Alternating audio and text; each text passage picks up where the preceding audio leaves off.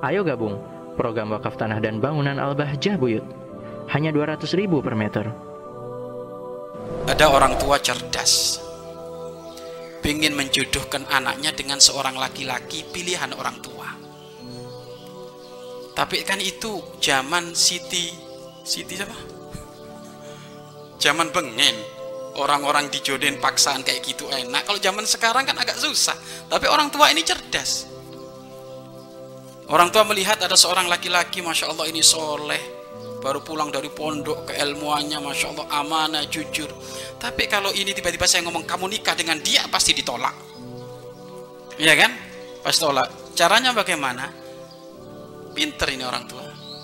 Ngomong kepada anaknya perempuan, no, Alhamdulillah Aba Umi akhir bulan ini dapat rezeki arisan dan tentu kebahagia kebahagiaan bagi Aba Umi kalau bisa berangkatkan kamu umroh.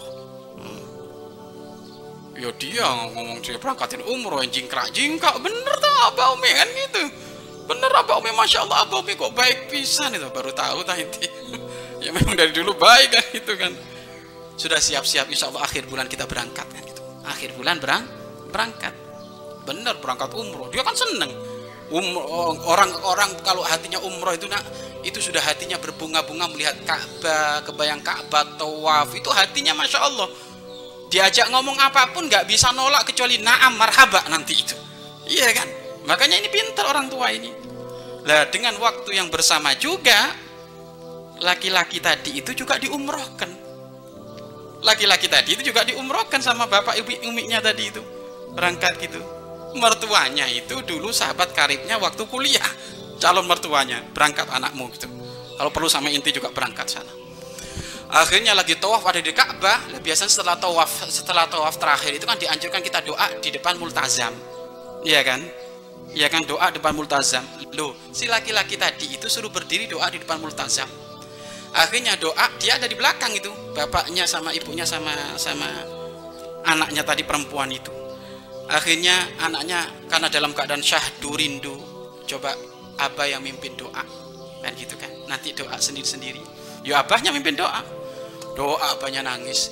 Terakhir dari doa panjang lebar tiba-tiba dia berdoa ya Allah saya menemukan ada pemuda yang soleh di depanku ya Allah. Dia lagi khusuk doa di depan multazam. Saya ingin punya menantu kayak dia ya Allah. Dan anaknya ngomong amin. Kan gitu. Iya kan? Ah amin itu akhirnya ya karena sudah ditunjuk kayak gitu di depan multazam di depan Ka'bah anaknya nggak bisa nolak.